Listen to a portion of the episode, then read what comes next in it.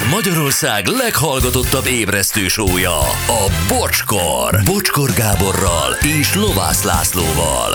Ez a bocskor!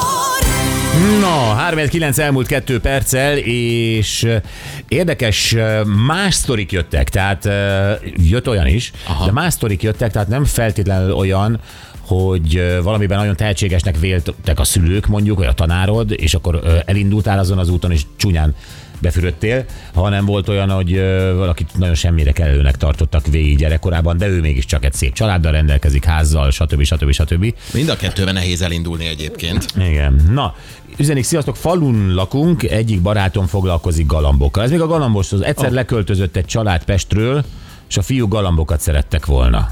Barátom adott el neki. Ötször. Mind az ötször ugyanazokat. De szép munka. Ezért ne, ne bíz ezekben a galambversenyeztetőkben. Ezért jó biznisz ez a galamtenyésztés, Az. értem már. Ha igaz sztori, ha nem, igen. Bocsi, a Next Top modellből már kétszer volt egy évad itthon, de kb. 10 éve volt legutóbb, talán a Viaszaton ment valamelyik másik kisebb csat, be, be, be, be, be. Ezt más is írta, ez a top modell, de az más, hát az nyilván egy koppintása volt a műsornak, és nem ez a licensz. Tehát itt azért jóval komolyabban és jóval nagyobb szakértelemmel foglalkoznak ezzel. Legalábbis a, az amerikai meg a német alapján ezt tudom mondani. Meg nevet nem tudunk igazából, aki azóta így...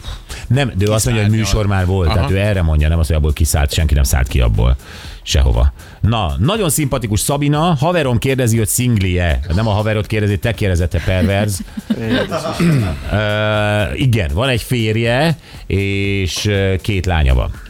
És amúgy egy iszonyat sikeres vállalkozó, egy gyönyörű Tehát nő. semmi keresni valód mellette. Pontosan. Tiszta? Igen. Hogy kell elhessegetni ezeket a legyeket, nem? Elképesztő. Életem egyik legnagyobb pofonütése volt, mikor rájöttem, hogy századrendű rajzos vagyok a főiskolán. A gimiben a legtehetségesebbnek számítottam, és a tanárom biztatott a művészpályához. Hittem neki, mert ő elismert grafikus volt. Az kőkemény. Igen, amikor a nagy Igen. Reményekkel bekerülsz oda, és ott azt mondod, hogy na olyan mesterektől tanulhatok majd a főiskolán, nem tudom. De nem, és és, o- ráadásul az is, hogy a grafikus tanárja, a középsuliban gondolom, uh, igen, gimiben, grafikus tanárja azt mondta, fi, te, is, oh, ah, uh, uh, és ő emiatt, a biztatás miatt, a gimiben eltöltött években szerzett sikerélmények miatt, bízva a tehetségében oda megy, és nyolcadrangú. Igen. Fú, de kemény lehetett ez. És ezért iszonyat nagy felelősség az is valakinek megmondani azt, hogy tehetséges, de épp úgy megmondani neki azt, hogy nem vagy tehetséges. Mind a kettő olyan nagy felelősség, És rohadt nehéz. Ugyanakkor meg néha kell, néha kell valakit biztatni, aki nem tudja magáról, hogy tehetséges. Hát persze, egyértelmű, csak ki, ki az, aki biztat, meg miért bízom én benne, meg ott megint, megint oda jutunk ez a saját magadban hinni dolog, hm.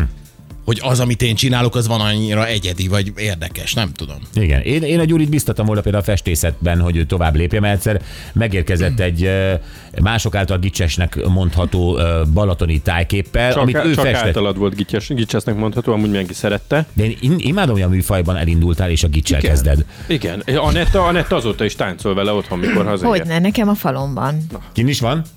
kint. Aha, Igen, én láttam nálam Látod, az arcát? És a hang? Amikor Gyuri jön ki. Igen. Ö, Nem dolgozom nektek többet, ennyi. Hát ez, Hát ezt mondom, hogy ez a mi felelősségünk, hogy ezt elrontottuk, és lehet, hogy most, mit tudom én már, bár levágott füllel, de valahol az utcán festegetnél vad ecsetvonásokkal. Köszi, hogy elrontottad Ki akkor tudja, inkább. hogy az unokáid nem gazdagodnak-e meg ebből? Mert hogy te nem, az biztos. Jobb, jobb ez így szerintem, hogy nem levágott füllel festegetek az utcán. Vad ecsetvonásokkal. Köszi, hogy megóvtál ettől. Egy lepukkant motelszobádat lefested, ahol tényleg a széket meg az asztalt, Jó, mert jó, értem most már, elég lesz. nekem az a karakter vagy. Nekem egy lelki vangók Jó, vagy. jó, bevelegettél, látom, jó. Egy igazi művész, ugye? Egy meg nem értett művész, erre gondolsz. Igen. A zenémmel is így vagyok, a zenés stílusaimmal, mindennel. A meg nem értettség jellemez a részedről. A legnagyobb meg nem értettség, igen. A, a döbbenet az arcod, amikor Gyuri előadja, hogy az ő zenészei.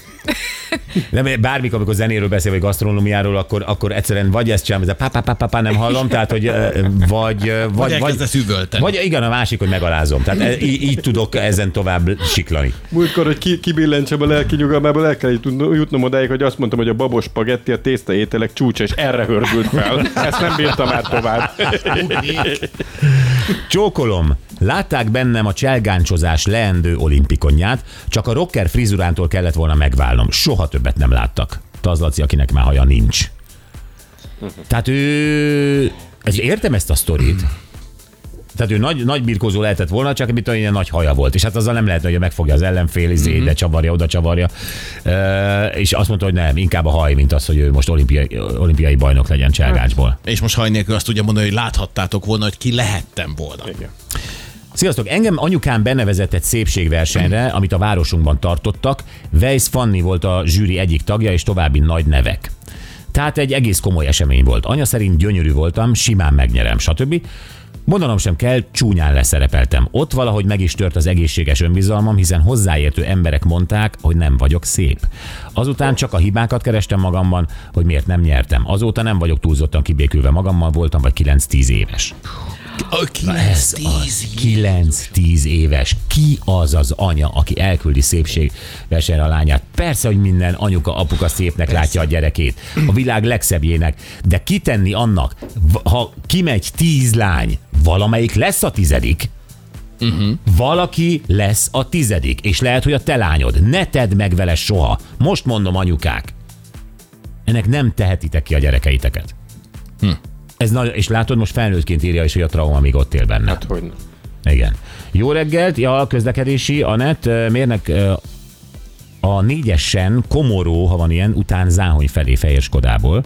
Ez az egyik jó reggelt, M31-esen 20 perce megindult a forgalom, megszűnt a torlódás, üzeni a zsaru. Köszönjük szépen az információt. Nagyon szépen köszönjük, hangcsapdázunk egyet, és ö, ehhez itt van egy hang.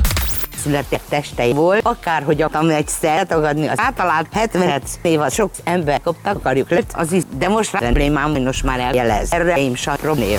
Na, itt hallottatok egy kicsit megkavarva, ezt kell megmondani. 0620 22 22 122.